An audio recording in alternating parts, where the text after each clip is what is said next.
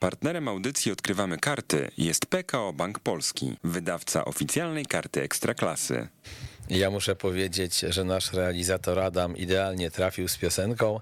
Leciał utwór Kiedy byłem, kiedy byłem małym chłopcem, hej. Ja jak byłem małym chłopcem, to właśnie zaczynałem chodzić na mecze Płockiej Wisły. Pamiętam, że w połowie lat 90. tata wziął mnie na spotkanie Wisły z Iglopolem Dębica. Znaczy to chyba wtedy była Wisłoka Dębica w ogóle. No i to było pierwsze spotkanie, jakie zobaczyłem na żywo na stadionie i był wtedy wynik 0 do 0, jeżeli się nie mylę. Tak to właśnie wyglądało. Takie są wspomnienia z pierwszego meczu. No więc siłą rzeczy, jak w jakikolwiek sposób jestem z tym klubem związany mniej lub bardziej od 27 lat, to właśnie na mnie padło, żeby zrobić audycję PKO. Odkrywamy karty ekstraklasową właśnie o Wiśle Płock. Kamil Gapiński, witam was bardzo serdecznie. Jak Bóg da, to porozmawiam z trzema osobami dzisiaj na temat nawciarzy, z Damianem Zbozieniem, który jednakowoż jedzie teraz y, autokarem na mecz bardzo ważny Wisły Płock, sparingowy w Kielcach, wobec czego różnie może być z zasięgiem, z Emilem Kotem, a więc dyrektorem do spraw scoutingu oraz z dyrektorem sportowym klubu, strzelistym jak gotycka katedra, mającym 1,96 m wzrostu, a kiedyś taką bujną, rudą czuprynę. Pamiętam go z tamtych czasów, gdy grał na boisku nie tylko w barwach Wisły Płock, ale też GKS-u Bełchatów. Czyli z Pawłem Magdoniem. To będą moi rozmówcy. Przypomnijmy, Wisła Płock, drużyna, która e, ma nowego kapitana. Został nim kilka dni temu Jakub Rzeźniczak, doświadczony zawodnik, w przeszłości oczywiście kojarzony głównie z warszawską Legią. Przypomnijmy też, że Wisła Płock zakończyła poprzedni sezon Ekstraklasy na 12 miejscu z dorobkiem 33 punktów w 30 meczach. No, nie jest to dorobek, który by rzucał na kolana, umówmy się, ale udało się utrzymać nawciarzom i z ich punktu widzenia to oczywiście jest najważniejsze. Tam doszło w trakcie sezonu do zmiany trenera e, Radosława Sobolewskiego, zastąpił Maciej Bartoszek, taki trener trochę będący czasem czasem strażakiem, ale też strażakiem, który potrafi umiejętnie gasić pożary, który e, gdzieś tam w tym e, takim tyglu czuje się dobrze. Jak płonie wszystko, płonie stodoła, tam coś, to on wtedy nie panikuje, nie biega jak kura z odciętym łbem, tylko ma plan, wykona go sam. No i tak to właśnie wygląda. Dzisiaj taki bardzo muzyczny nam się zrobił początek tej audycji. Adam, możesz dzwonić do Damiana, a nuż widelec się uda. Może pogadamy z obrońcą płockiej Wisły, będącym teraz w drodze, jak Jacques Herak. No ale co poradzić. Jest z tego, co słyszę, Damian Zbozień. No może nam się uda pogadać. Witam cię bardzo serdecznie, Zboziu. Witam serdecznie, witam. No i załatwiłeś nawet niezły zasięg, na razie odpukać jest dobrze. E, powiedz, gdzie wy się wybieracie teraz, że akurat łapiecie w drodze? Zbieramy się na sparring Kielc. Jutro będziemy e, grać z Barcelona. i jedziemy na przed. Mhm. A ile tych sparingów już udało wam się rozegrać teraz latem?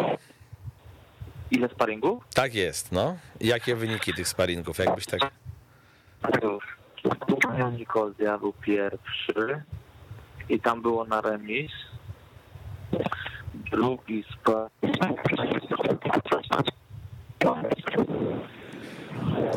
No dobra, to chyba musimy chyba się jednak rozłączyć. Damian mówił, że będzie ciężko, no i niestety e, nie oszukał nas. Strasznie ciężko było e, tutaj pogadać. Liczyłem, że Anusz Widelec e, się uda i że będziemy się słyszeć, no ale się nie słyszymy, więc w związku z tym musimy radzić sobie bez obrońcy płockiej Wisły. No pech chciał, że oni akurat mają podróż do Kielc w momencie, kiedy my mamy kiedy my mamy, moi kochani, audycję. No, to trochę słabo, że tak jest, ale nie ma tego złego, co by na dobre nie wyszło. Teraz e, jest moment, żeby e, poodbierać telefony od was. A jak ktoś chce zadzwonić, e, a nie, Damian mówi, dawaj jeszcze raz. No dobra, no to jeszcze raz próbujemy. Dawaj, a on jest tutaj piłkarzem, nie poddaje się. Eee, Okej, okay, to mi imponuje, to spróbujmy jeszcze raz. Może się uda dodzwonić e, i będzie lepszy zasięg w tym momencie do dwóch razy sztuka, jeżeli chodzi o e, te kwestie.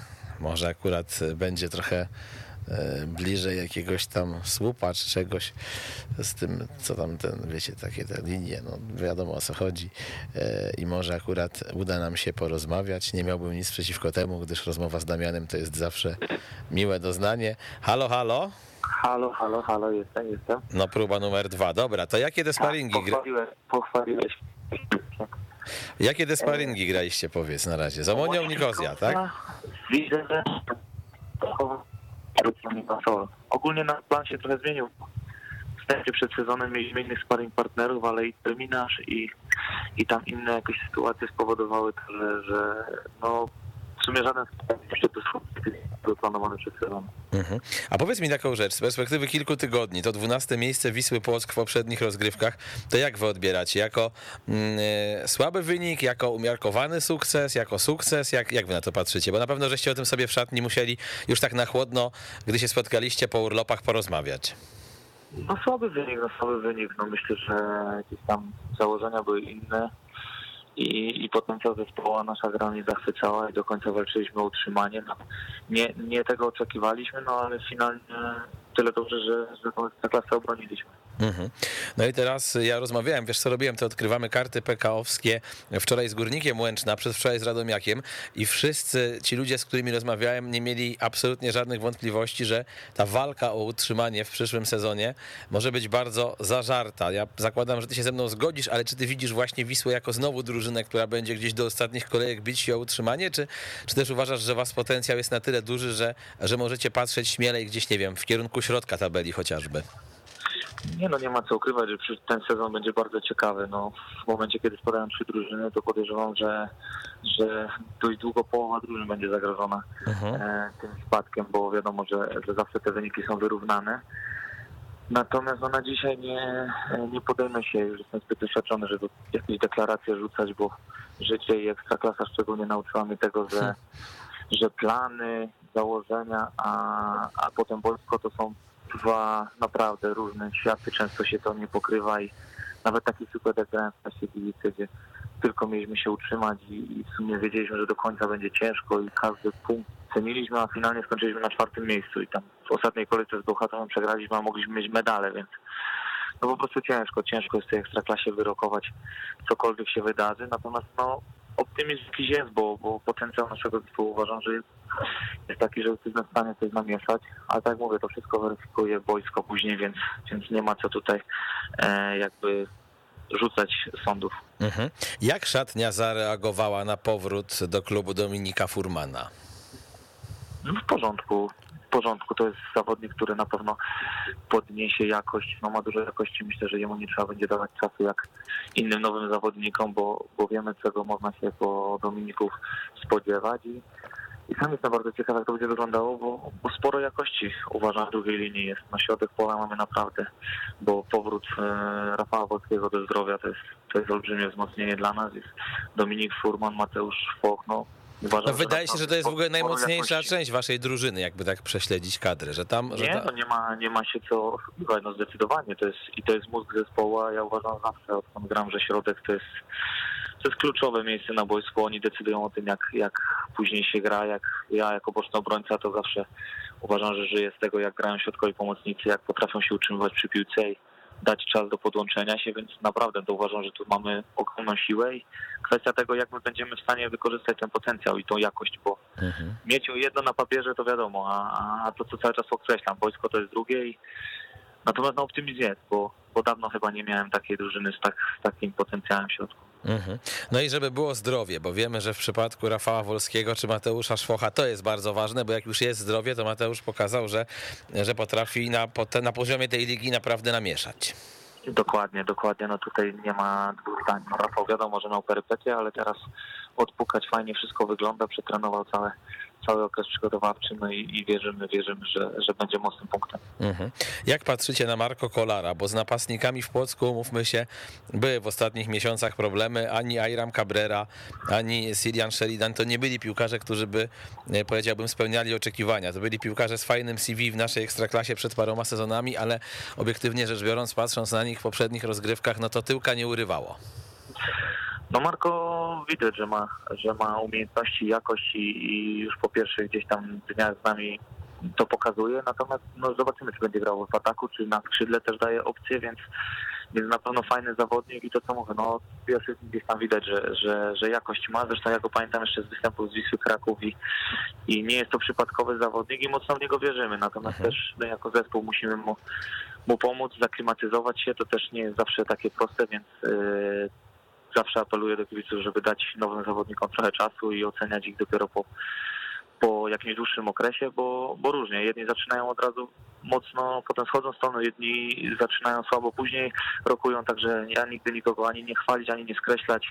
Natomiast no nie ukrywam, że liczymy, liczymy na Marko, że gdzieś tam nam też będzie pomagał. Mhm. A powiedz mi taką rzecz, bo szatnia straciła dwóch zawodników ważnych z jej punktu widzenia. Alana Urygę, który odszedł do Wisły Kraków, właściwie wrócił, oraz wychowanka Bartka Sieleskiego. Ja akurat go znam dobrze, bo, bo ja sobie grywałem jako junior w roczniku 8-3, Bartek w roczniku 8-4, więc, więc żeśmy się jako dzieciaki przecinali. No i może Bartek nie był tak istotny z punktu widzenia boiskowego, bo on wiele nie grał, ale, ale dawał tej szatni dużo. Jak e, takie ubytki, powiedz, uzupełnić i kto wchodzi e, pod nieobecność tej dwójki właśnie w rolę liderów szatni waszej drużyny?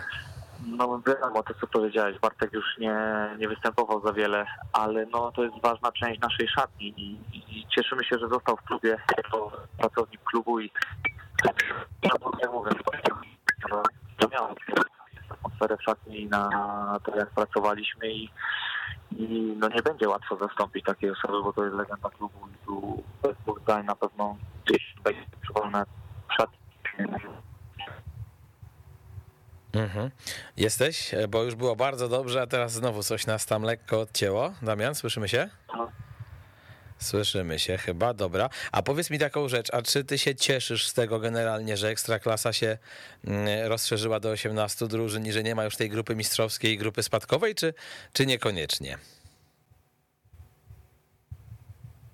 No właśnie, coś nam znowu ucięło, ale to próbuj, Adamie, jeszcze raz, może, może uda się dodzwonić. Jak nie, to chociaż żeśmy sobie trochę pogadali mm, z Damianem z Bozieniem, to zawsze coś biorąc pod uwagę, jakie mieliśmy warunki, to, to i tak walczymy, walczymy, nie poddajemy się i mam nadzieję, że nawciarze będą tak samo walczyli i że będą tam wszyscy śpiewać. Naprzód nawciarze, dzisiaj ambicja wam każe grać na całego i walczyć do upadłego.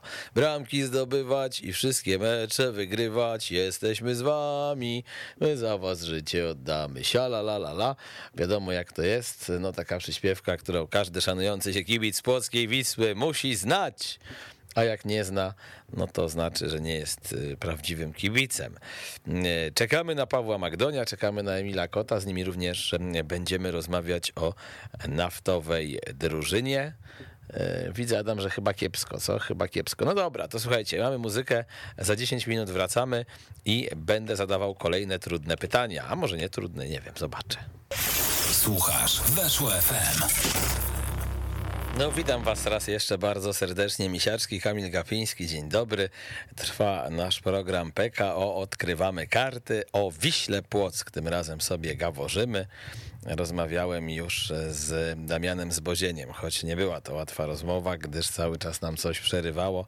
Mam nadzieję, że teraz będzie lepiej. Teraz będziemy się łączyć z Great Britain, z Emilem Kotem, dyrektorem do spraw scoutingu płockiej e, drużyny i porozmawiamy sobie trochę o wyszukiwaniu piłkarzy do tejże i o tym, jak to się właśnie odbywa, jak się pracuje na odległość i o paru innych e, kwestiach. E, mam nadzieję, że tutaj problemów telefonicznych nie będzie, kiedy spotkamy się na zakręcie i że będzie bardzo ok. Czy ty dzwonisz, drogi Adamie? Adam dzwoni.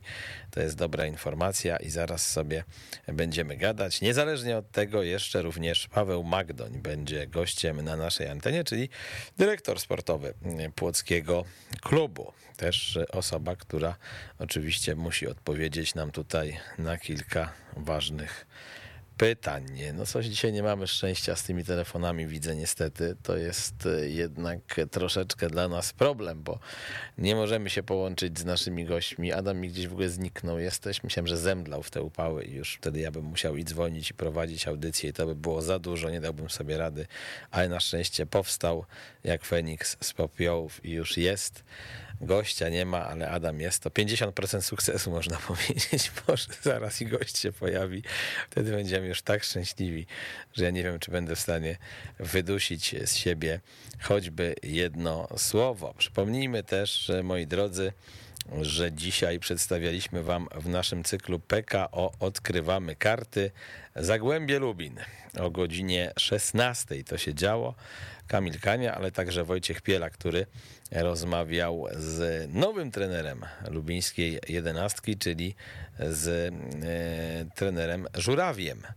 Taka rozmowa się odbyła, a i owszem, będziecie mogli jej wysłuchać na antenie Radia Weszło FM. Adam, daj mi jakiś, jakąś informację na słuchawki, cokolwiek, czy on nie odbiera, czy nie ma sygnału, czy co się dzieje. No, no dobry ci numer dałem. Mam nadzieję, że ci dałem dobry numer. Jeszcze raz ci go e, zaraz e, wyślę, ale liczę, że tak. Natomiast nie wiem, czy ja umiem mówić i dawać numer jednocześnie. Może to być e, trudne. Poczekajcie, będę próbował.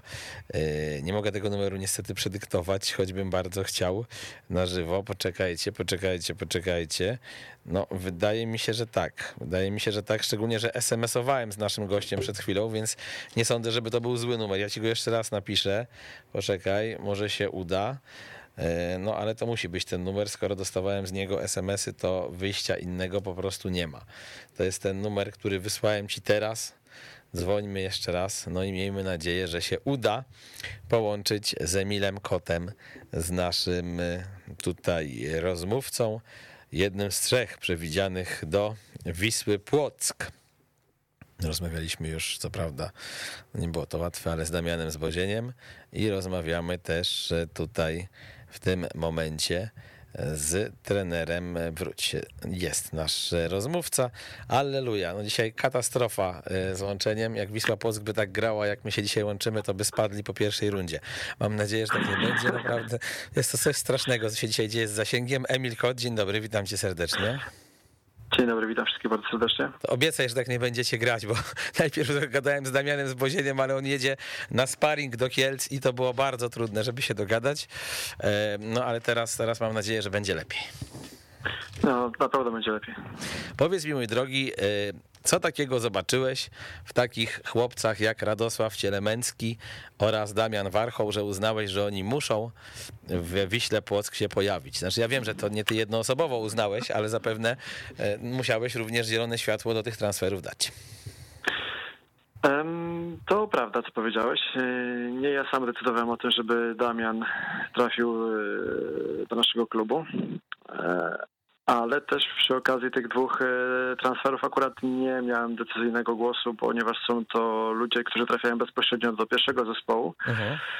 A za scouting w pierwszym zespole odpowiada głównie dyrektor Magdoń wraz z Bartkiem e, Sielewskim, który będzie teraz od nowego sezonu odpowiadał właśnie tylko i wyłącznie za transfery do pierwszego mhm. zespołu. To będzie można powiedzieć e, wysoki Ale... poziom, bo oni obaj mają łącznie med... każdy po 1,90 m albo więcej nawet, nie?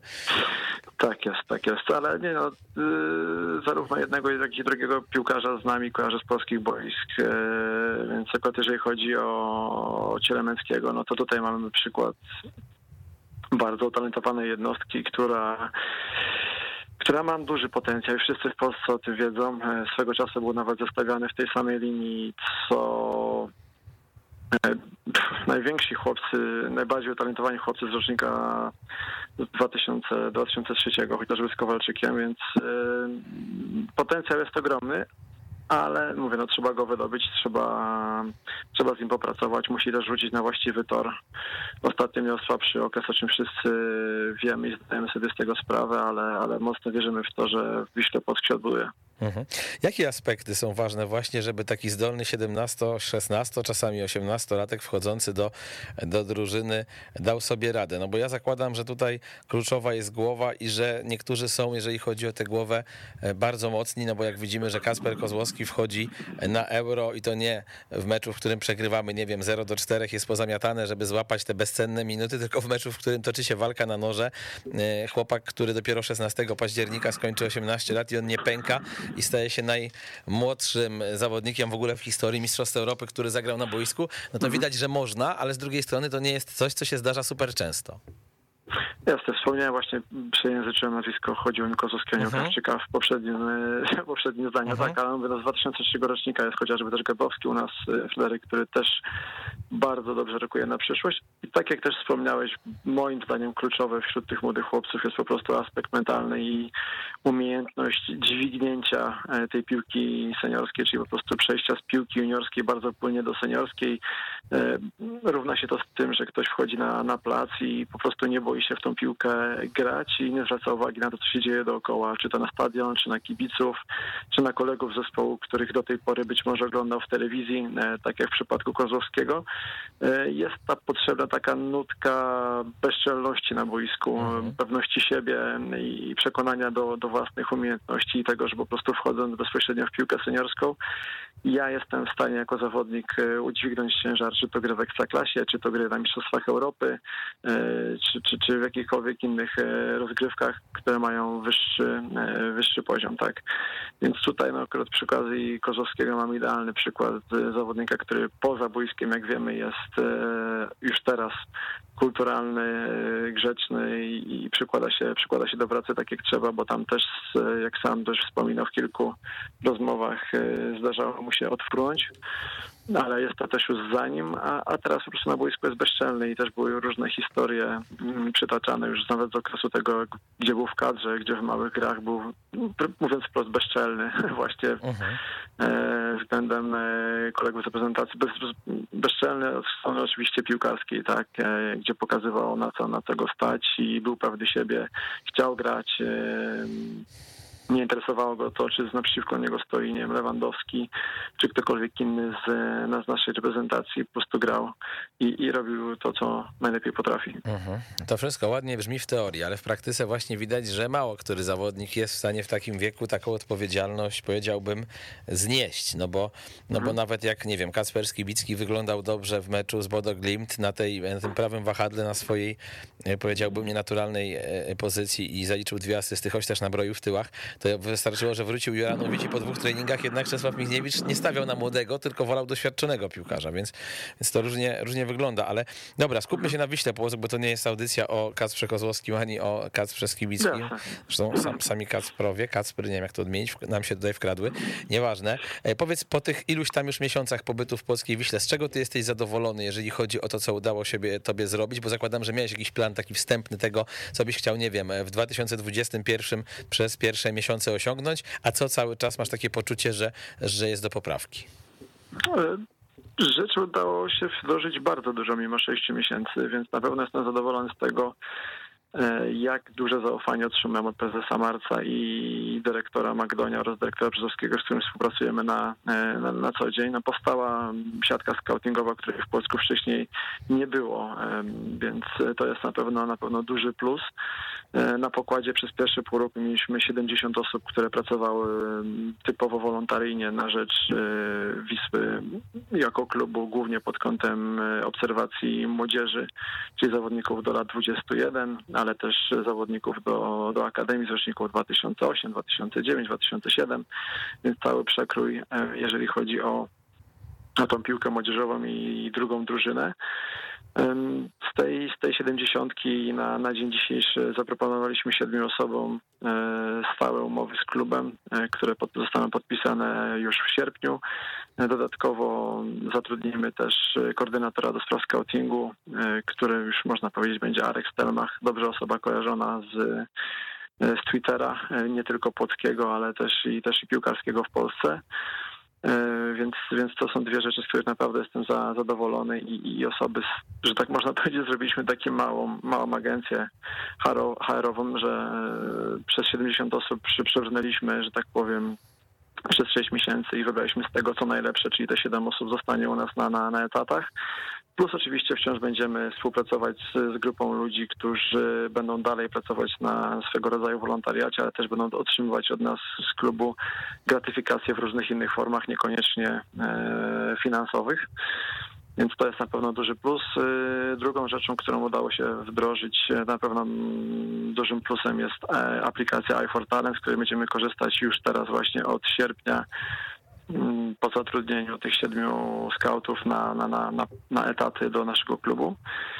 Więc to też jest, to też jest moim zdaniem taki krok milowy, jeżeli chodzi o innowacyjność i odejście od Excela, odejście od Worda i tego typu innych y, rzeczy.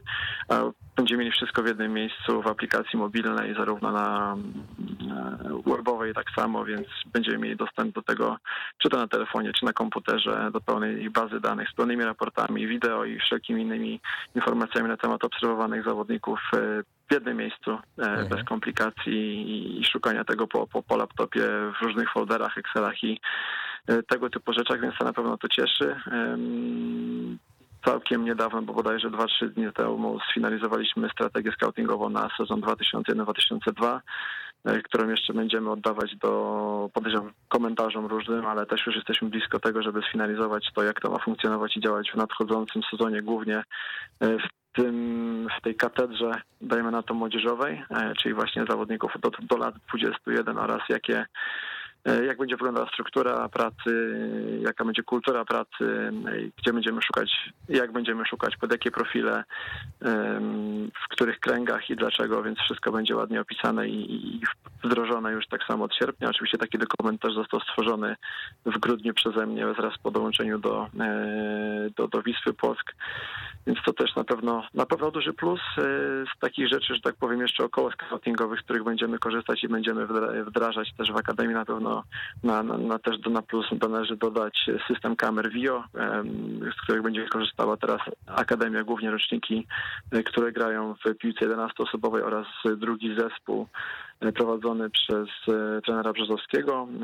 Dodatkowo, w której będzie zatrudniony też analityk, który będzie obsługiwał ten system kamer.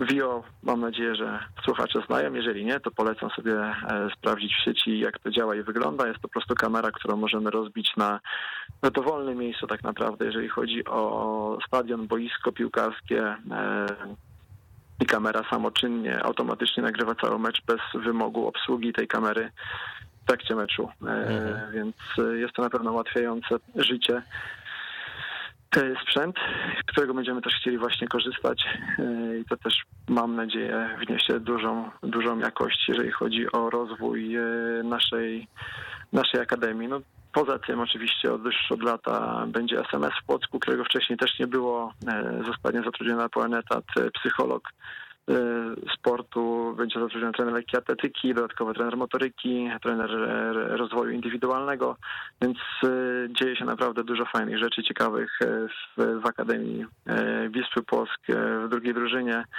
cały czas staramy się ten, e, że tak powiem, nasze poletko e, lokalne rozwijać jak najlepiej i, po prostu, żeby A powiedz, bo ty mówiłeś, że będziesz mieć e, także oko na, jako że mieszkasz na Wyspach Brytyjskich, że będziesz mhm. mieć oko na ludzi stamtąd, kiedy udzielałeś wywiadu bodajże w grudniu zeszłego roku Szymonowi Janczykowi, tak czy Brian Galach, który przyszedł do zespołu właśnie w lutym 2021 roku, to jest taki przykład na to gościa, którego ty gdzieś tam wytropiłeś w Anglii, czy, czy, czy jakoś inaczej to wyglądało? Akurat z Brianem jest dość śmieszna historia, bo znamy się od roku 2016, mhm. E, tuż po moim przyjeździe do Londynu i założeniu klubu Victoria Londyn, który dalej sobie żyje i funkcjonuje swoim własnym życiem. Wraz z moim asystentem, który wtedy pracował ze mną w pierwszym zespole Wiktorii, Patrykiem Przybylskim, szukaliśmy po prostu zawodników, którzy mogliby wzmocnić e, zespół Wiktorii Londyn. E, no, Patryk wtedy pamiętam wysłał masę maili e, zarówno do ludzi pracujących w PZPN e, w tej, tej katedrze scoutingowej właśnie jeżeli chodzi o ludzi z zagranicy, Polaków grających za granicą i, i po prostu dostaliśmy, dostaliśmy ogromną listę Polaków, którzy są na wyspach i być może mogą być zainteresowani przyjściem na trening, testy czy dołączeniem do naszego zespołu.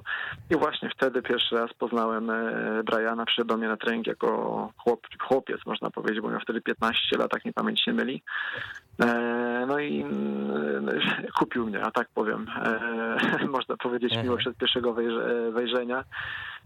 No chłopak z moim zdaniem z ogromnym potencjałem do, do gry w piłkę nożną, nisko, nisko osadzony, niski środek ciężkości, naturalna lewa noga, naturalny balans ciałem. E, no my wtedy z budowy to taki jak na niego patrzę, Ulf Kirsten właśnie, słuchaj. Shakiri, Shakiri. Albo Shakiri, niech będzie. Rzecz, tak słuchaj, jak zrobi karierę, czy Ulf Kirsten, czy Shakiri, to ja się nie będę kłócił. Niech, niech daj, tak daj mu Boże. Tak E, więc naprawdę, no to taka historia, można powiedzieć, stamtąd się wzięła. Wtedy mieliśmy pierwszy kontakt, wtedy też poznałem e, tatę Briana i, i można powiedzieć, że od tamtej pory gdzieś byliśmy non-stop e, w kontakcie. Do Wiktorii nie udało mi się go namówić, żeby przyszedł. Grał wtedy w Aldershot do lat, do, w zespole do lat 18, gdzie, gdzie się wyróżniał. Po drodze jeszcze byłem z Brianem na testach u trenera Probierza w Krakowie, Kraków. Zresztą wspominał wtedy o tym Również e, e, Krzysztof Stanowski na, na Twitterze e, o Brianie, że chłopak z niższej ligi przyszedł do Krakowi i kupił sobą e, trenera Probierza, ale wtedy zdecydował się na, na podpisanie kontraktu w Crawley Town w League e, w Anglii, nie zdecydował się na przyjazd do Polski. No i teraz, jak już, że tak powiem, trafiłem do e, klubu z poziomu ekstraklasy, udało mi się Briana namówić na ruch e, stronę Polski i wydaje mi się, że jest z tego, z tego ruchu To miejmy nadzieję, że będzie ruch też do góry do pierwszej drużyny, bo on jednak jest 2001 rocznik, czyli już taki najmłodszy nie jest, jeżeli chodzi o, o wiek.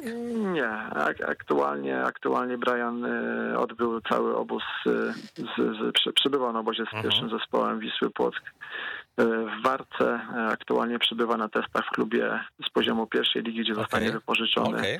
E, Więc e, z tego, z tego co wiem i z tego co słyszałem dzisiaj e, po kilku telefonach, że w tej pierwszej lidze w klubie, w którym aktualnie jest na testach, zostanie i, i będzie miał możliwość gry na zapleczu klasy, więc no, tr- trzymam kciuki, mam nadzieję, że takich ruchów będzie więcej, ale tak też penetruje ten rynek e, Wielkiej Brytanii. Mamy też tutaj nie tylko jestem ja sam, jest, tylko, jest, też, jest też kilku innych ludzi, którzy ten rynek w Anglii pomagają mi penetrować. Mamy też swojego człowieka w Stanach Zjednoczonych, który penetruje też ten rynek głównie pod kątem Polaków grających za granicą, z którego też zresztą, że tak powiem, usług skorzystaliśmy przy okazji projektu Back to the Roots, który mieliśmy okazję zorganizować bodajże trzy tygodnie temu. E, Projekt poświęcony typowo dla Polaków grających poza granicami Polski.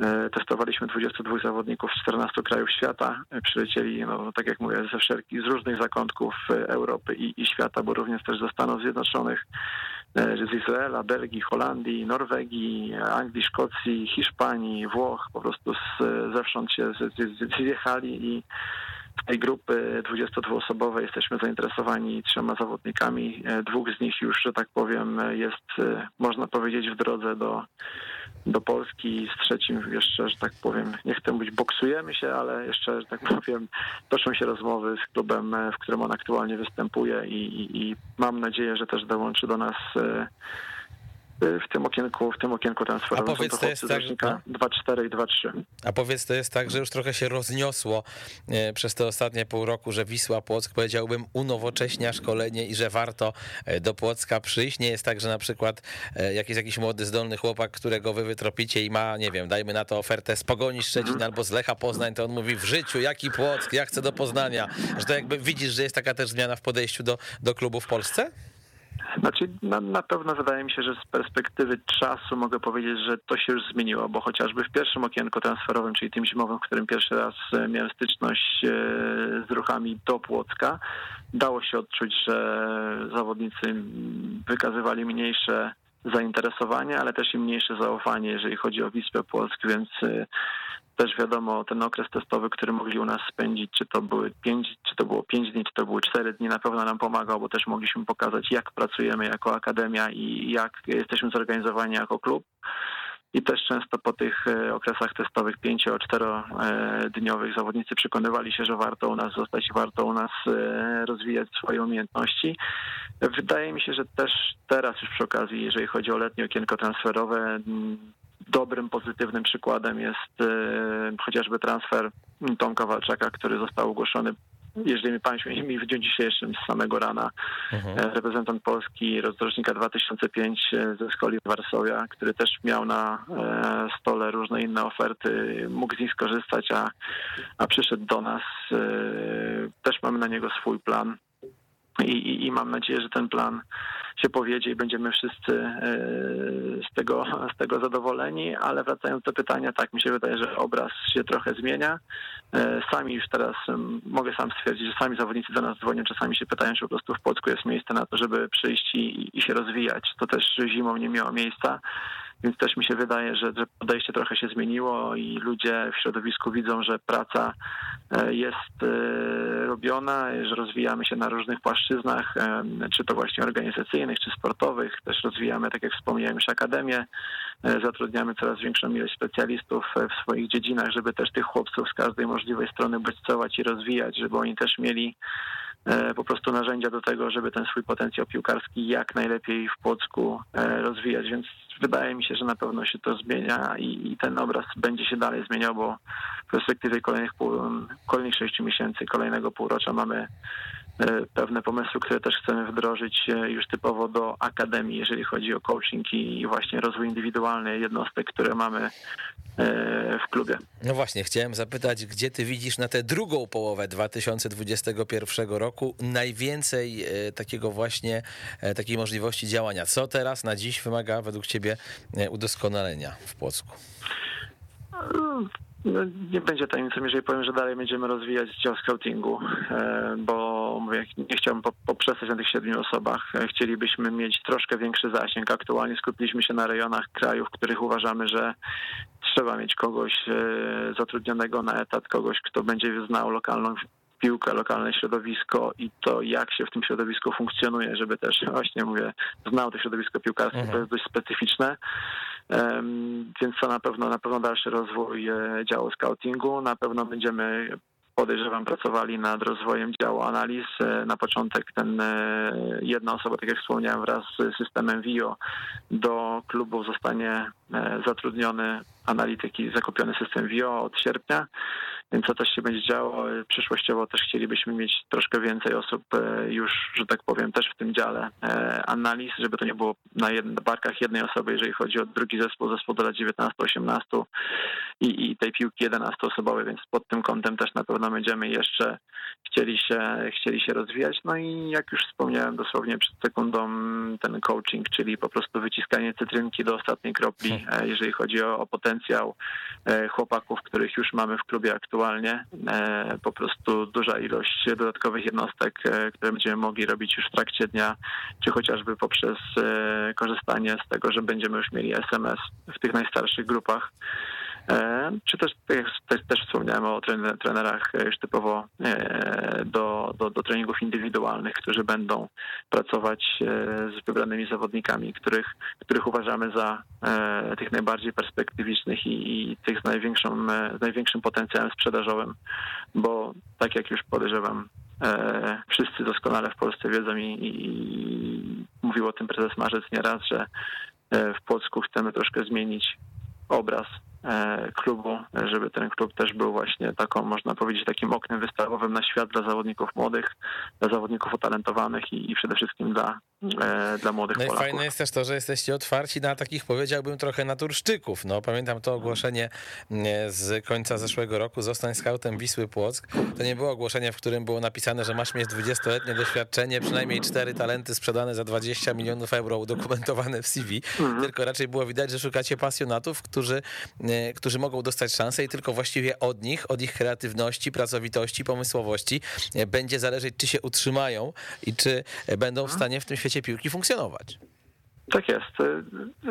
W zasadzie rozmawiam chociażby z prezesem Marcem, wspominałem, że trochę działamy jak taki mały dział HR, jeżeli chodzi o, o pozyskiwanie ludzi do klubu, bo w tej grupie 70 osób właśnie wspomniany analityk, którego będziemy mieć zatrudnionego od sierpnia, też jest, że tak powiem, z tego można powiedzieć naboru, e, więc też swego rodzaju jest scouting pracowników, można też powiedzieć przy okazji do piłki, ale takich ludzi potrzeba w piłce nożnej, bo moim zdaniem sam też, też jestem przykładem człowieka, który jest spoza środowiska, można powiedzieć, bo tyle, co, co, co grałem w czwartej lidze na Mazowszu i, i tyle można powiedzieć. No, gdyby, gdyby nie pomoc Piotra Dziwickiego i oferta z Polonii, żeby być jego asystentem, to też tak, tak naprawdę podejrzewam, że nikt by mnie e, w żaden sposób nie, nie, nie, nie kojarzył, nie znał tak, tak, tak. i nie wychwycił, więc e, to był, można powiedzieć, kluczowy moment, więc ja też chciałbym taki kluczowy moment dać ludziom e, po prostu, którzy są pasjonatami, którzy się interesują piłką, którzy chcą w tej piłce być, chcą w tej piłce pracować, chcą się rozwijać, e,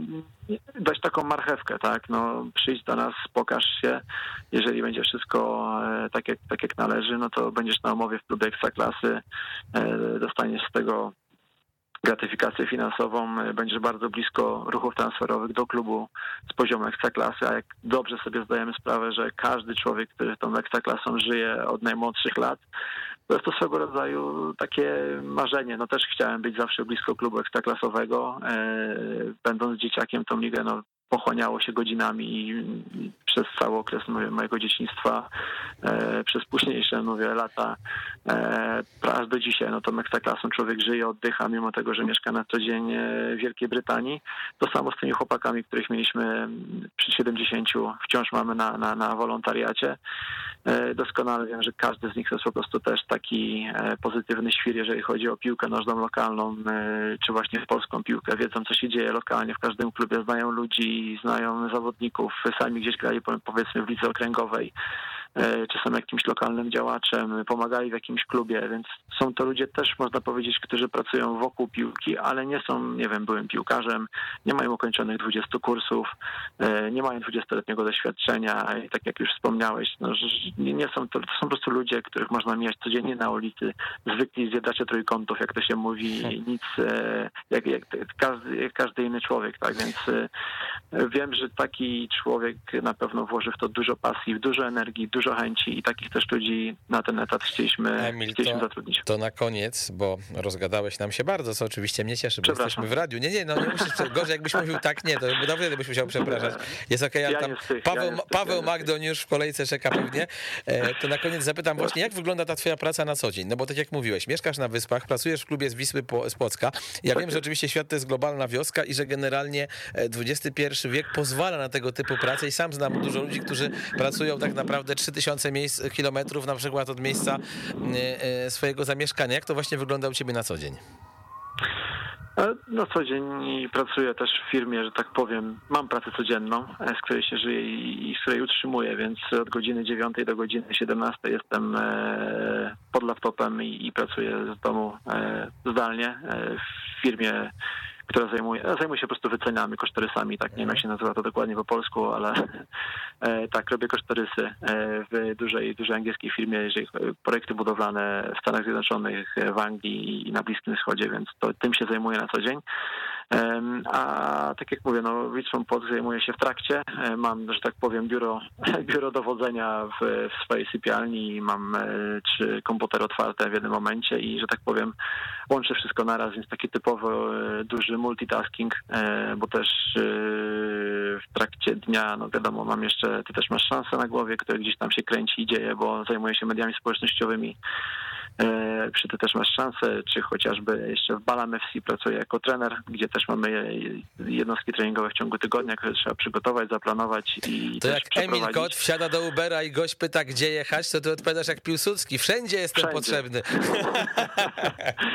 nie, no nie, no ale tak no, powiem tak, dla chcącego nic trudnego, jeżeli, jeżeli człowiek e, potrafi, że tak powiem, połączyć kilka e, rzeczy naraz i, i wszędzie jest okej, okay, mhm. bo akurat no mówię, nie jest tajemnicą, że, że też udało mi się przedłużyć umowę z e, Wisłą Płock dosłownie dwa tygodnie temu o kolejne pół roku, więc e, wydaje mi się, że e, prezes jest zadowolony z tego, co się dzieje w klubie i z tego, jak, jak funkcjonujemy, jak działamy, a czy by było śmieszniej w firmie, w której pracuję na co dzień, też jest szansa na to, że być może skoczę wyżej, więc Mhm. Jakoś się daje to wszystko. A jak często tak powiem, w Płocku połączyć. jesteś?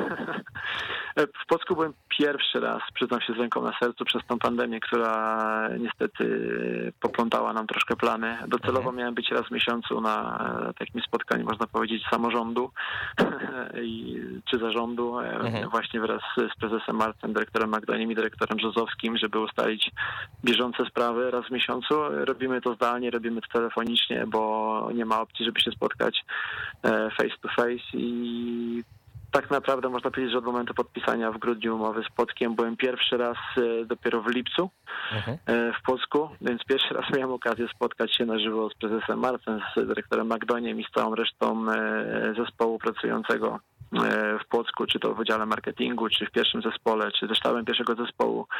I ja oczywiście, jako raz. że jest to moje miasto rodzinne, byłeś zachwycony, jest piękne, niesamowite, rośnie znakomity stadion. Jak tak zobaczyłeś wzgórze Tumskie, odebrało ci mowę. To chciałeś powiedzieć, tak? E, nie, no akurat nie, nie miałem okazji tam, że tak powiem, zawitać, ale, ale jedyne co zapamiętałem to e, kominy, e, które były, służyły mi za lampkę nocną, e, czym byłem oczywiście lekko zszokowany, że takie coś w ogóle istnieje, funkcjonuje. Pierwszy raz miałem, że tak powiem, styczność z tego typu rzeczami, ale Płock da się lubić. Za, zapraszam, polecam. Tak jak I tym, wspomniałeś. I tym kończymy. Piękne miasto. Tym kończymy. Emil Kot, dyrektor działu Dokładnie scoutingu tak. Wisły Płock. Dziękuję serdecznie, pozdrawiam cię gorąco. Dziękuję bardzo. E, No i od razu będziemy się łączyć, drogi Adamie, z naszym kolejnym rozmówcą Pawłem Magdoniem, bo już jesteśmy 6 minut spóźnieni, tak się z Filipem, e, e, tak się z Emilem, przepraszam, zagadaliśmy, więc siłą rzeczy tutaj teraz dzwonimy do kolejnej osoby, z którą pogadamy o płockiej Wiśle. Partnerem audycji Odkrywamy Karty jest PKO Bank Polski, wydawca oficjalnej karty Ekstraklasy. Tak, to prawda. Jest już Paweł Magdoń, z tego co słyszę. A, no to już myślałem, że jest. No ja jestem na antenie. Dobrze, no to Paweł Magdoń, e, miejmy nadzieję, że zaraz będzie i wszyscy będziemy szczęśliwi i sobie jeszcze chwilę o Wiśle pogadamy, także wy będziecie mogli dzwonić i zadać pytanie, jeżeli macie ochotę o nawciarzy. Ja oczywiście też na nie chętnie odpowiem. E, 22749 1882 to jest nasz numer telefonu, który będzie do waszej dyspozycji, ale to dopiero za jakiś czas, za kilka chwil. Na razie, na razie czekamy na to, żeby się połączyć z Pawłem? Magdoniem. Dzień dobry panie Pawle, Kamil Gapiński, Weszło FM się kłania. Halo, halo, dzień dobry, witam, witam was. Ja od razu przepraszam za opóźnienie, ale to jest e, wynik gadulstwa pana kolegi z klubu. Emil Kot mnie zagadał. Ja tutaj myślałem, że zadam mu trzy pytania i będzie odpowiadał 8 minut, a odpowiadał 8 minut, owszem, ale na każde pytanie, także nie dałem rady się wyrobić o 18.20. E, Emil, ma, Emil ma o czym pogadać, także, także fajnie, że mogliście go wysłuchać. Tak jest, mogliśmy go wysłuchać. To ja zadam takie pytanie na dzień dobry. Co zrobić, żeby poziom sportowy Wisły Płock dorównał do poziomu waszego działu marketingu i social mediów? Bo tutaj jest absolutny top w kraju, absolutny top w kraju i w ogóle nikt nie ma startu. Absolutnie to, zgadza się, zgadzam się z, z tą opinią. E, No my pracujemy na to, e, żeby dorównać e, chłopakom i temu standardom, standardom które, które wyznaczają, tak? Bo wiadomo, że tutaj, jak pan powiedział, to jest top. Ale my robimy swoje myślę, że w niedługim czasie e, też e, ta, ta nasza gra będzie wyglądała i wyniki może będą trochę lepsze. Mhm. Co się zmieniło w Wiśle Płock? Bo ja jako, mieszka, jako człowiek pochodzący z Płocka obserwuję ten klub od wielu lat, ale pana okiem e, w momencie, gdy był pan zawodnikiem, jeszcze za czasów no, tej drużyny mocnej Mirosława Jabłońskiego, Puchar Krajowy e, w sezonie 2005-2006, e, potem ten powrót do Płocka. Trener, trener Czaplar. tre- Trener Przepraszam, Czaplar i odebrałem trenerowi Czaplarowi, tak jest, trener Jabłoński, czwarte miejsce tak, kiedyś tak. wcześniej. E, Czyli Tak. ten czeski trener, co na motocyklu, pamiętam, jeździł. E, Potem 2012-2015 znowu pobyt w Wiśle Płock. E, Co na plus poszło od tamtych czasów w klubie? Tak okiem wtedy zawodnika, a teraz dyrektora. To znaczy, no to, jest, to był taki, taki burzliwy czas dla, dla Wisły Płock, bo wiadomo, że po moim odejściu klub wtedy spadł z Ekstraklasy, później gdzieś tam też był spadek z pierwszej ligi do drugiej ligi. E, później po moim przyjściu udało nam się awansować do pierwszej ligi. Teraz wiadomo, klub jest w Ekstraklasie i i cały czas w tej Ekstraklasie jest nieprzerwalnie od, od, od bodajże pięciu, pięciu lat, tak? I też e, przez pryzmat tych pięciu lat e, klub e, w jakimś swoim momencie też był bliski pucharów, także ten klub, no mówię, jest to taka sinusoida, a teraz mam nadzieję ustabilizujemy naszą, naszą, naszą formę, naszą, naszą grę na jakimś takim wysokim, wysokim ligowym poziomie. Mhm. Do tego cały czas dążymy. No to jest chyba najdłuższa seria w ogóle Wisły Płock w Ekstraklasie, prawda? Że udało się tyle lat z rzędu pograć bez spadku, bo to różnie bywało e, w przeszłości. Drużyna e, gdzieś tam w tej Ekstraklasie była, potem niestety z tej Ekstraklasy spadała, wracała, no i wszyscy bardzo chcieli, żeby było super, a bywało, bywało różnie. No, e, sezon 2002-3 to raz, dwa, trzy, cztery, pięć sezonów i teraz e, szósty sezon będzie e, ten. No to to jest najdłuższa e, faktycznie passa nafciarzy. E, Poprawiliśmy się o rok, poprawiliście się o rok. A co zrobić, pana zdaniem, żeby nie walczyć o utrzymanie, tylko żeby gdzieś sobie stać się taką spokojną przystanią w środku tabeli? No bo wiadomo, że ta liga jednak się teraz mocno zmieni. Nie będzie 16 drużyn, tylko 18. Nie spada jedna, tylko trzy. I wydaje się, że przez długi czas, znając polską ekstraklasę i jej nieobliczalność, to i pół ligi może być zagrożona spadkiem. No na pewno, na pewno liga będzie, będzie ciekawsza, bo spadają trzy zespoły, e, cztery najprawdopodobniej zagrają, zagrają w pucharach, więc tutaj ta liga będzie wyrównana. Jak też pokazał poprzedni sezon, no to tak naprawdę bodajże osiem zespołów walczyło, walczyło o puchary, także tutaj ten środek jest taki, powiedzmy, e, o tyle trudny, że można, można zamieszać się w grze o utrzymanie, a też można powalczyć o puchary. Także tutaj myślę, że kluczem będzie stabilna forma i, i to, żeby, żeby, żeby nie było głupich wpadek, że tak to nazwę, w, w meczach ligowych. Mhm. Co daje trener Bartoszek tej drużynie? Bo wiemy, że to jest facet, który potrafi zrobić atmosferę, który potrafi jednym takim celnym żartem spuentować sytuację i sprawić, że się ludzie uśmiechną. Facet kojarzony też często w polskiej piłce jako powiedziałbym strażak. No rzeczywiście tym strażakiem był również dla was pod koniec zeszłego sezonu, natomiast strażak e, teraz wreszcie może popracować sobie spokojnie, nie pędząc do pożaru na sygnale, tylko, tylko, tylko taką pracę u podstaw uprawiając. To znaczy tak, no trener nas przyszedł może w roli trochę takiego strażaka, jak wy to nazywacie, ale, ale udowodnił swoją pracą, że, że, że, że Wisła może grać fajnie, ładnie dla oka i też może zdobywać punkty, więc tutaj też trenerowi zaufaliśmy. Eee, liczymy na to, że będzie, będzie to kontynuacja tego, co gdzieś tam było na końcu, na końcu poprzedniego sezonu. Mhm. E, Patrzę na wasze transfery i zastanawiam się, czy wy szukacie stopera, no bo mm, odszedł Alan Uryga, bardzo ważny zawodnik dla płockiej drużyny, nie oszukujmy się. Odszedł też drugi bardzo ważny zawodnik, którego pan podebrał, można sobie zażartować, na stanowisko e, już takie wymagające raczej chodzenia e, w garniturze, a nie w krótkich spodenkach, czyli Bartek Sielewski. On co prawda nie, gra, nie grał jakoś super dużo, no ale w szatni był ważną postacią, bo go ludzie lubili i szanowali jako płotrzanina. E, Ktoś się może pojawić jeszcze e, zamiast tych właśnie zawodników, no bo gdzieś tam padały nazwiska czy Kwietnia, czy Szymonowicza, a wydaje się, że jeszcze jakiś jeden dobry stoper to, to tutaj jest e, no, niemalże koniecznością.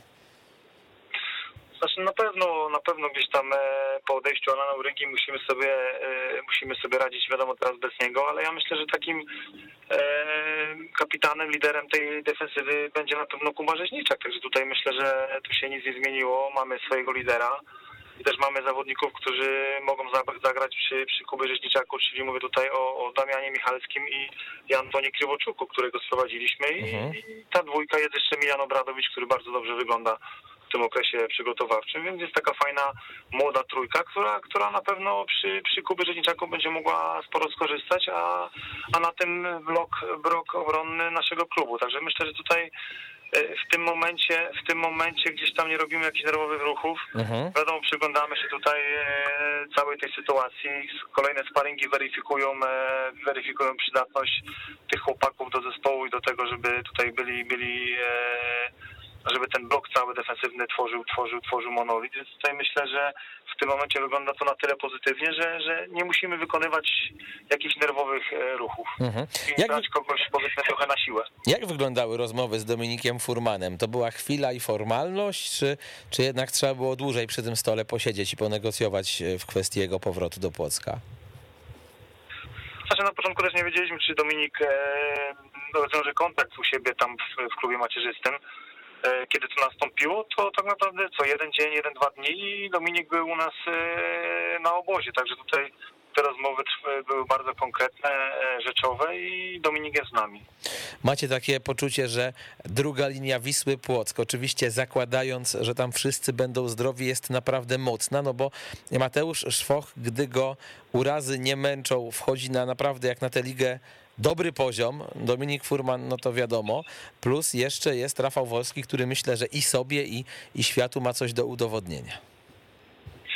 Znaczy ja bym tu jeszcze dołożył Damiana Rasaka i, i, i Lagatora, także tutaj jest e, Mhm. naprawdę duża konkurencja. Jest jeszcze, jest jeszcze Filip Leśniak.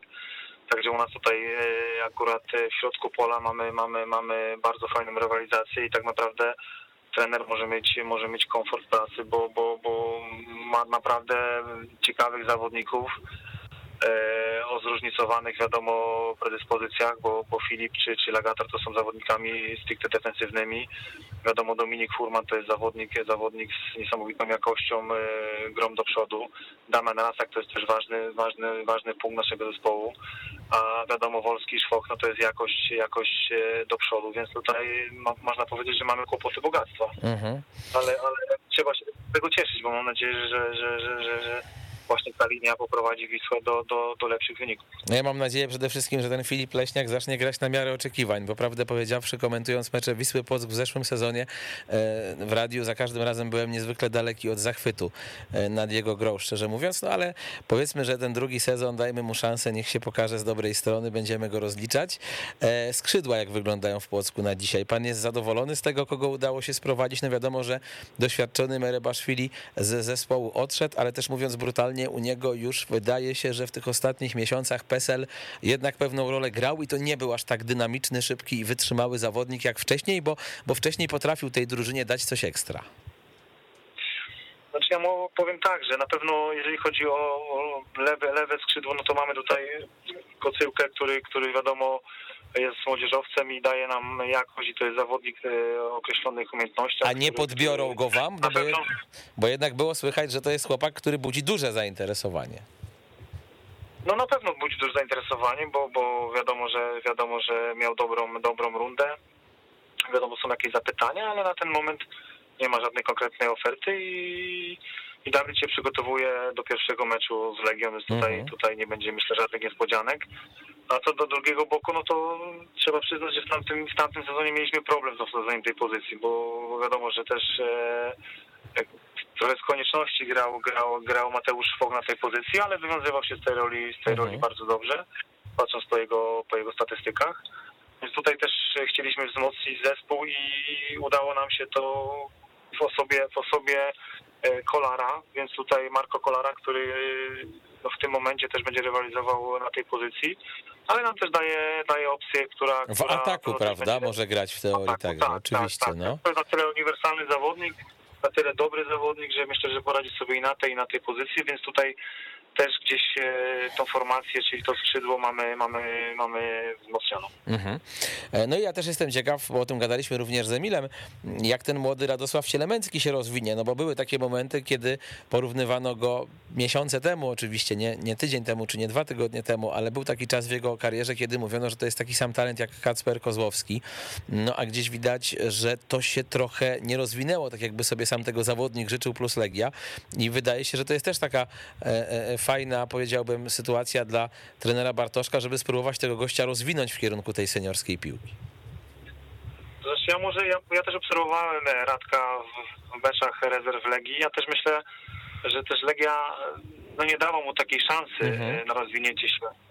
Myślę, że tutaj e, my patrząc na to, jak, jak, jak Radek e, do nas przyszedł, jak, jak jest skoncentrowany na pracy, jak, jak się rozwija, jaki ma potencjał, myślę, że u nas tą szansę dostanie a widzę po nim, że jest bardzo zdeterminowany do tego, żeby, żeby, żeby tą szansę wykorzystać. Więc tutaj jesteśmy zadowoleni, że pozyskaliśmy e, takie, takiego zawodnika i zapowiada się fajna rywalizacja na lewym skrzydle e, wśród naszych młodzieżowców.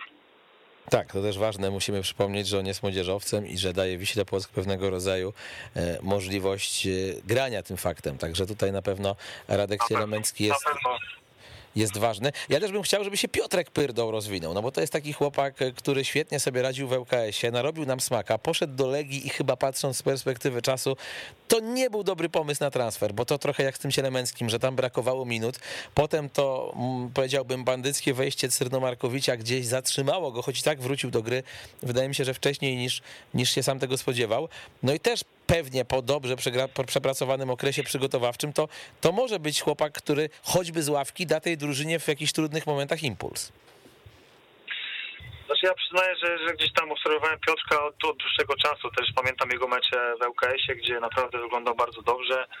E, transfer do Legii, głośny transfer do Legii. E, no i tam też e, ta jego kariera nie potoczyła się tak jak powinna. Też miał swoje, swoje, swoje wzloty, upadki. Gdzieś tam w tej Legii powiedzmy nie odnalazł swojej formy, dołączył do nas, też może w takim trochę trudnym momencie, też dostał swoją szansę, może na początku jej nie wykorzystał, później ten, ten, ten trudny moment z, z tym urazem, no teraz się Peczkowi kończy wiek młodzieżowca i, i, przy naszej linii pomocy no na pewno będzie mu ciężej z, z tymi minutami na boisku. No wiadomo, Piotrek pracuje ciężko, my też na niego w tym momencie liczymy, ale to mówię, to jest jeszcze, jeszcze taki temat, że, że, że, że Piotrek myślę, że potrzebuje przede wszystkim minut jakiejś, jakiejś, jakiegoś, jakiegoś, jakiejś serii meczów i dopiero wtedy będzie można ocenić tak naprawdę Piotrka, Piotrka potencjał mhm. i przydatność do naszego zespołu. A liczycie na to, że wreszcie wasi napastnicy zaczną grać na miarę oczekiwań, bo patrząc na Wisłę Płock i na napastników, to mam wrażenie, że w ostatnich nawet nie miesiącach, ale i sezonach e, to był często zawód po prostu, bo ani Cabrera, ani Sheridan, ani Kuświk to nie byli ludzie, którzy dali e, taką jakość, na jaką liczyli kibice i pewnie wy sami jako, jako ludzie z klubu. No Patryk Tuszyński strzelił tych sześć goli w poprzednim sezonie, ale to jest jest moim zdaniem ciągle taki gracz, w którym ciężko się zakochać. Mateusz Lewandowski, no piękne nazwisko i fantastyczne warunki fizyczne, bo wiemy, że on ma 1,87 m. Mm, natomiast też, no mówiąc szczerze, na kolana nie rzucał. Mm, jak to teraz wygląda w sparingach ci, ci chłopcy? Znaczy ja może powiem trochę inaczej, że też, e, też wiadomo, każdy wymaga bramek, każdy, każdy kibic ocenia napastnika przez pryzmat e, zdobywanych bramek ale też muszę przyznać, jak tutaj gdzieś jestem, że, że, że ta gra e, bo inaczej, ta, ta, ta, ta mm, perspektywa zdobywania bramek w naszym zespole e, w tamtym momencie była też trudna, bo my tych sytuacji nie tworzyliśmy. Mhm. Napastnik tak naprawdę u nas miał dwie, dwie sytuacje, jedną sytuację w meczu i, i jeżeli tych sytuacji nie wykorzystywaliśmy, no to wtedy był, był duży problem, tak? To nie było tak, że, że graliśmy taką piłkę ofensywną, gdzie napastnik mógł e, jednej nie strzelić, za chwilę wiedział, że ma drugą, u nas ta gra wyglądała trochę inaczej, ale myślę, że na tyle dokonaliśmy zmian w ustawieniu, gdzieś tam w, w perspektywie, w perspektywie gdzieś tam, jeżeli chodzi o trenera, o taktykę, że myślę, że dzisiaj tych sytuacji będziemy tworzyli więcej, będziemy więcej kreować e, e, naszą grę z przodu, więc myślę, że ci napastnicy będą mieli więcej sytuacji, co się przełoży na, też na bramki tych napastników. Mhm. Także myślę, że tutaj Patryk Kuczyński będzie miał większe pole do popisu a też jest e, no, Mateusz Lewandowski, e, jest jeszcze, jest jeszcze Lukasz Uśniara, którego trener przesunął na, na pozycję napastnika, więc zobaczymy.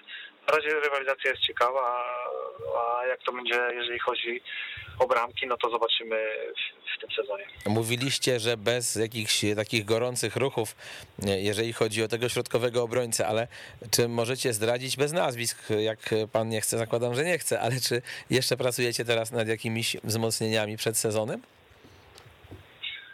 Znaczy na razie pracujemy nad tym, żeby tutaj e, wydobyć co najlepsze z naszego potencjału, który mamy, bo, mhm. bo, bo, jest Michalski, tak jak powiedziałem wcześniej, Kiewoczuk i jest Biliana Bradowicz.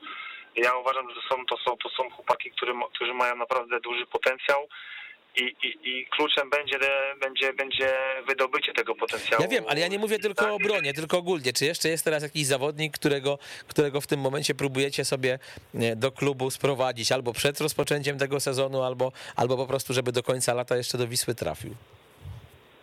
To znaczy na, pe na pewno, powiem tak, na pewno, na pewno nie, nie zamknęliśmy jeszcze kadry, i na pewno mhm. chcielibyśmy, żeby jeszcze jeden klasowy, klasowy zawodnik do nas dołączył. Czy to będzie napastnik, czy to będzie może stoper, może boczny obrońca, nie wiem. Zobaczymy jak też, jak też to będzie wyglądało powiedzmy na początku w lidze i, i, i po tych pierwszych meczach będziemy podejmowali jakieś decyzje ale też nie ukrywam, że jesteśmy przygotowani na, na, na, na ewentualnie jakiś jeszcze jeden ruch. Mhm. Jak wyglądają kwestie stadionowe? No bo wiadomo, że to jest też e, bardzo ważne. Nie każdy musi śledzić na co dzień, e, w jakim tempie ten stadion Płockiej Wisły rośnie.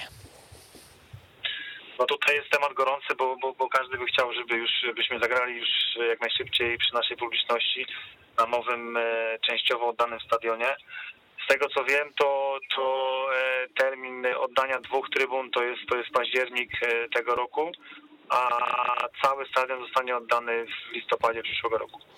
Paweł Magdoń, dyrektor sportowy Płockiej Wisły był moim gościem. Dziękuję serdecznie panie Pawle. Dziękuję bardzo. Pozdrawiam. Pozdrawiam, kłaniam się nisko. Kwadrans pozostał do godziny 19. To jest ten moment, w którym możecie do nas dzwonić. 22, właściwie do mnie, bo jestem sam. Znaczy właściwie do nas, bo jestem z Adamem, który mnie realizuje. 22 749 18 82. Jeżeli ktoś ma jakieś pytanie albo chce się podzielić swoim przemyśleniem na temat Płockiej Wisły, albo nie wiem, jest zły, że Wisła nie kupiła właśnie stopera zamiast Urygi, albo jest wściekły, bo chciał mieć super napastnika w tym klubie, a Lewandowski ani Tuszyński mu się e, z super napastnikami nie kojarzą, to zachęcam gorąco. Możecie teraz się, powiedziałbym, wygadać, zwierzyć. Ja to wszystko przyjmę jak taki wspaniały e, spowiednik. E, rozgrzeszę was też. Powiem wam, idźcie, ofiara spełniona, nie grzeszcie więcej. E, ewentualnie pod hashtagiem weszło FM. Jeżeli ktoś ma ochotę, to też może się tutaj do nas odezwać w ramach cyklu PKO odkrywamy karty. Przypomnę, że dzisiaj rozmawiamy o Wiśle Płock. Jutro będziemy natomiast rozmawiać o Warcie Poznań oraz o Górniku Zabrze. A już, moi drodzy, w niedzielę Śląsk Wrocław i Piast Gliwice. Tacy e, właśnie ligowcy będą przez nas przedstawieni. Śląsk Wrocław przedstawiony przeze mnie, a Piast Gliwice przedstawiony przez e, Kamila Kanie oraz jego gości. Jeżeli ktoś ma ochotę do nas zadzwonić, nic prostszego, wystarczy wybrać numer 22749 1882.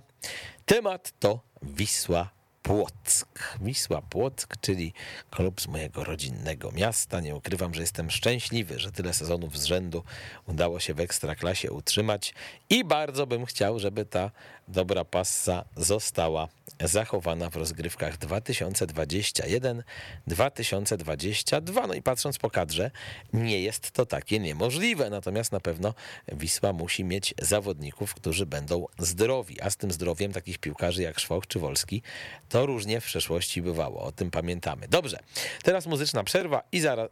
A, mamy telefon. No to jak mamy telefon, to bardzo proszę. Kogo witam, kogo goszczę? Dzień dobry. E, Siemanko, ja mam pytanie odnośnie e, Orlenu i tego, że zaczął sponsorować Wisłę Kraków. E, Co o tym sądzisz? Ale chcesz mnie wziąć pod włos. Nic o tym nie sądzę. Nie, no bo były na przykład No. jakieś szyldy na wiadukcie, że pieniądze dla Krakowa, że rak dla Płocka, no to jakoś ustosunkuj się. Wiesz co, nie wiem, ja nie chcę chyba tego oceniać, szczerze ci powiem. No, no to, to jest decyzja Orlenu, który pewnie wyszedł z założenia, że jest koncernem e, ogólnopolskim i to, że, i to, że jest w Płocku nie znaczy, że będzie tylko łożył na Wisłę, ale to chyba patrząc na działania Orlenu, to już dawno temu mm, z takiego założenia wyszedł, no, że, że to nie tylko, nie, tylko, nie tylko Płocka Wisła. No ale chyba cały czas ta liczba pieniędzy, jaka jest dawana na Wisłę Płock też nie jest dramatycznie mała, tak mi się wydaje. No. E, Czy nie? Czy uważasz, że jest za mała? Czy pewnie jak jesteś z Płocka, to uważasz, że jest za mała, to zawsze będziesz chciał, żeby było więcej, nie? No ale Eee, Jestem z okolic Płocka, ale akurat gdzieś tam popieram e, twoje zdanie. Zauważyłem, że gdzieś tam Orlen stał się już takim dużym molochem, że jednak e, sponsorowanie tylko jednego gdzieś tam klubu regionalnie, no to troszkę za mało. no wiesz, no jest globalną marką po prostu, która się gdzieś tam rozwija i, i chce być widoczna, stąd Formuła 1, stąd, nie wiem, też współpraca z igrzyskami, z innymi podmiotami, gdzieś logo Orlenu można, można zobaczyć wszędzie. Ja wiem, że oczywiście kibic Wisły Płock ze swojej perspektywy, no to chciałby, żeby jakaś tam duża część tych środków szła, szła na Wisłę i to jest oczywiste, no bo przecież gdyby Orlen uznał, nie wiem, zrobimy potęgę z Wisły Płock i damy na nią 150 milionów złotych, to, to pewnie by to było do zrobienia, no ale, ale jak myślisz globalnie, no to musisz mieć trochę, trochę inną perspektywę. Ja się cieszę, że, że generalnie nie ma problemów finansowych w Płocku i że ta kadra wygląda, patrząc na Wisłę, e, w miarę okej. To znaczy, tak jak ja gadałem z Pawłem Magdoniem, ja uważam, że jeden stoper to by się tam przydał, jeszcze taki z doświadczeniem ligowym, bo, No, no, no. bo wiesz, Kuba Rzeźniczak, okej, jest kapitanem, jest doświadczony, ale on też ma 35 lat. I nie wiesz, oczywiście nie życzę mu źle, ale nie wiesz, czy tam, nie wiem, kurde, naderwanie łydki na przykład w trzeciej kolejce ligowej. Tfu, tfu, tfu. No i co wtedy? Wtedy Wisła zostaje bez e, takiego gościa, który tę obronę trzyma, a w zeszłym sezonie jednak był Alan Uryga i umówmy się, no on miał, widać było bardzo duży e, na tę drużynę wpływ i w szatni, i, i poza szatnią. No tak samo tak jakiś napastnik. No Wisła nie ma cholera do napastników szczęścia. Mnie Patryk Tuszyński nigdy nie przekonywał i te sześć goli z zeszłego sezonu tego tego nie zmieni. Ten Lewandowski, no, No tak, chyba niestety- Kanta ostatnim był taki. no, chyba tak. No tam wcześniej jak Ricardinho też jeszcze grał w ataku, nie? To też sobie radził. Ale cholera jest problem. No Cabrera przecież i Sheridan to był dramat. Kuświk to jakiś Tak, żart. No. się. Ja tego Kuświka to pamiętam, tylko pamiętam, że on tą maskę taką założył przy pandemii, co była na twarz, na twarzy dziura wycięta. No błagam, no. To jest jedyne, z czego ja tego gościa w Płocku pamiętam, no. E, I, I to cholera jasna, no. Słuchaj, ja to, wiesz, uważam, że, że jakiś jeden by się tutaj... No okej, ten Kolar może grać z przodu, nie? Ale, ale podejrzewam, że on będzie bardziej na skrzydle jednak potrzebny po odejściu e, e, paru piłkarzy, więc, więc ciekaw jestem, jak oni to rozwiążą. No może ten Szusznia, no bo tutaj też zdradził przecież Magdoń, że e, Lukasz Szusznia... Tak, to Szusz- ciekawe. Szuszniara, przepraszam, Szusznia to grał w Wiśle Polsk piłkarzy ręcznych, że został, wiesz, przesunięty do ataku. No on ma dobre warunki, bo to jest chłop zbudowany jak Tomasz Peckhardt, nie? Tam prawie 1,90 m wzrostu, 90 kg wagi, więc wiesz, kto wie, może nie takie, nie takie, że tak powiem, zmiany się udawały w polskiej piłce, więc, więc może to, to pyknie, no daj Boże, żeby pykło Wiśle, bo bardzo bym chciał, żeby, wiesz, się utrzymała. No tak jak mówiliśmy, to jest szósty sezon z rzędu ekstraklasowy i to jest pobity rekord, bo ten poprzedni wynosił pięć sezonów. No i nie chciałbym, żeby ten szósty był ostatni, a, a też jednak, wiesz, ta walka o utrzymanie to będzie ostra, bo, bo Termalika się wzmacnia, bo, bo Radomiak ma fajny pomysł na piłkę i takiego, moim zdaniem, mądrego trenera. Niektórzy uważają, że Radomiak to może być taka warta Poznań z zeszłego sezonu. Warda też raczej y, no, łatwo skóry nie sprzeda. I ja myślę, że te, no, to tak ciężko te trzy drużyny. Ja na dziś to bym typował Stal Mielec, zresztą prowadzoną przez Płotrzaninę Adama Majewskiego, e, jako taki, dla mnie jako głównego kandydata do spadku. E, Ale potem, no to już mam problem. No Stal Mielec, Radomiak, e, Górnik No Łęczna. powiedziałeś, że pół ligi może się bić o ten I spadek. może tak się więc- bić o ten spadek. No tak naprawdę wiesz, to tak się może, tak się może dziać. Ale w sumie wydaje mi się, że z naszego punktu widzenia to jest ciekawsze, no bo nawet te mecze, jak się będzie komentować czy oglądać, to, to jak tam będą zagrożone drużyny z miejsc, wiesz, 10, 11, 18, to, to to jest po prostu bardziej interesujące. Oczywiście będzie to potem też smutne dla tych, co spadną, ale, ale, ale no coś się będzie działo. Chociaż przy tej 16-drużynowej ekstraklasie w sumie też niemalże do końca przecież e, Podbeskidzie i Stal Mielec rywalizowały o to, kto, kto, ktoś, kto spadnie, no ale No tak, tak, tak. a ta stal była tak dramatyczna, że jej nie powinno też być w ekstraklasie. No mówmy się, ale się. Ale trener Włodzimierz Gąsior i jego tak. złoty sygnet utrzymali zespół w lidze. No było fajnie. No dobrze, Włodzimierza Gąsiora już nie ma, ale jest e, Kuba Rzeźniczak jako kapitan Wisły No. Co o tym powiesz? Wiesz co, no chyba logiczny ruch, tak mi się wydaje. Chociaż ja bardzo lubię, ale ja może nie jestem obiektywny, bo on był u nas w radiu parę razy i to jest bardzo fajny facet, Krzysiek Kamiński, no. Dla mnie to jest też, wiesz, doświadczony człowiek, e, taki spokojny bardzo. I od bramkarza musi bić spokój, musi być pewność siebie. A to jest gość, który ma poukładane życie rodzinne, świetną żonę, e, zdrowe, fajne dziecko, psa. Jest taki, wiesz, bardzo, bardzo moim zdaniem taki typowy bramkarz, który potrafi huknąć na, e, na ciebie gdzieś tam na murawie, ale poza taki misio dobry. I on też chyba ma dobry wpływ na szatnię. No pewnie gdybym ja wybierał, to bym się wahał między nim a, Jakubem Rzeźniczakiem, no ale też wiesz, Rzeźniczak ma e, na pewno tyle trofeów w Polsce, że, że no danie mu tej opaski jest dosyć logiczne, no bo tu się jeszcze pewnie można było, tak sobie lecę teraz po kadrze Wisły Płock, no to właściwie trzech zawodników, jakich mi przychodzi do głowy, którzy mogliby dostać opaskę, to jest, to jest właśnie Kamiński, Rzeźniczak i Furman i chyba tyle. No bo, bo tak naprawdę no, nie zrobisz kapitanem Rafała Wolskiego raczej, bo to jest za spokojny człowiek, nie wiem, no Patryka Tuszyńskiego też nie sądzę, więc zresztą, wiesz, to też jest tak, że ja nie jestem w szatni w środku, to trzeba było też wiedzieć, e, kto tam się cieszy powodzeniem, e, poważaniem właściwie, nie powodzeniem e, i kto, kto ma posłuch, no ale, ale Kuba Rzeźniczak w ciemno zakładam, że ma, no bo jednak przychodzi jakiś młody chłopak typu Radosław Cielemeński, młodszy od Rzeźniczaka o 17 lat i widzi gościa, który z tą Legią tyle zdobył pucharów, no to zakładam, że on na niego patrzy, wiesz, jak w obrazek. No to prawda. No dobra, to dziękuję Ci bardzo za e, odpowiedzi i miłego piąteczku. No, życzę. dzięki serdeczne za telefon, bardzo mocno pozdrawiam. E, 22 749 18 82 to jest numer telefonu, który teraz możecie oczywiście wykręcić do mnie jeszcze przez 6 minut, pogadać sobie o Wiśle Płock, jeżeli ktoś ma jakieś pytanie, kogoś coś, e, jeżeli chodzi o Płotrzan, bardzo mocno interesuje, kogoś może coś wkurza, jeżeli chodzi o Wisłę Płock, to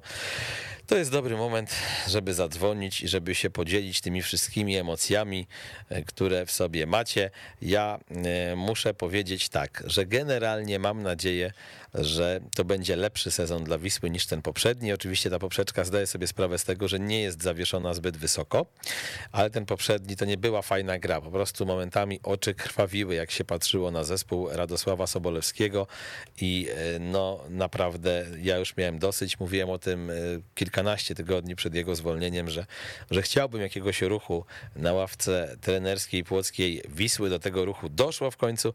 Przyszedł, przypomnijmy, Maciej Bartoszek, który miał być trenerem tymczasowym, ale gdy utrzymał Wisłę w lidze, uznano, że warto mu dać szansę. 12 miejsce na wciarzy w zeszłym sezonie. Tyle samo punktów zresztą zdobytych, co imienniczka z Krakowa. Tak to wyglądało. Za nimi Krakowia, Stal Mielec, no i Spadkowicz z Ekstraklasy, czyli Podbeskidzie. Moi drodzy, jeszcze raz. 22 749 18 82. Ostatnie 4 minutki naszej audycji, więc jeżeli ktoś z jakimś interesem, interesikiem tutaj do mnie chce zadzwonić, to jest dobry moment. Ja przypomnę też, że dzisiaj o 21 wieczór z Weszło FM zapraszam gorąco w imieniu Moniki Wądołowskiej oraz Wojtka Pieli. Oni będą z wami od godziny 21 do godziny 24. Także e, tutaj bardzo dobra obsada. Jutro rano też Kuba Białek z Wojtkiem Pielą, a po południu, a właściwie wieczorem będziemy mieć, moi drodzy, starcie Legii z Rakowem Częstochowa. Super Puchar Polski przy Łazienkowskiej. Ten mecz skomentuje dla was Kamil Kania. Dobrze, widzę, że wszystkie kwestie dotyczące Wisły Płocku dały nam się rozstrzygnąć. Nie ma telefonów więcej, więc ja się kłaniam nisko. Wszystkiego dobrego. Słyszymy się e, jutro w Hyde Parku o 23. Kamil Kapiński, trzymajcie się. Partnerem audycji Odkrywamy Karty jest PKO Bank Polski, wydawca oficjalnej karty Ekstraklasy.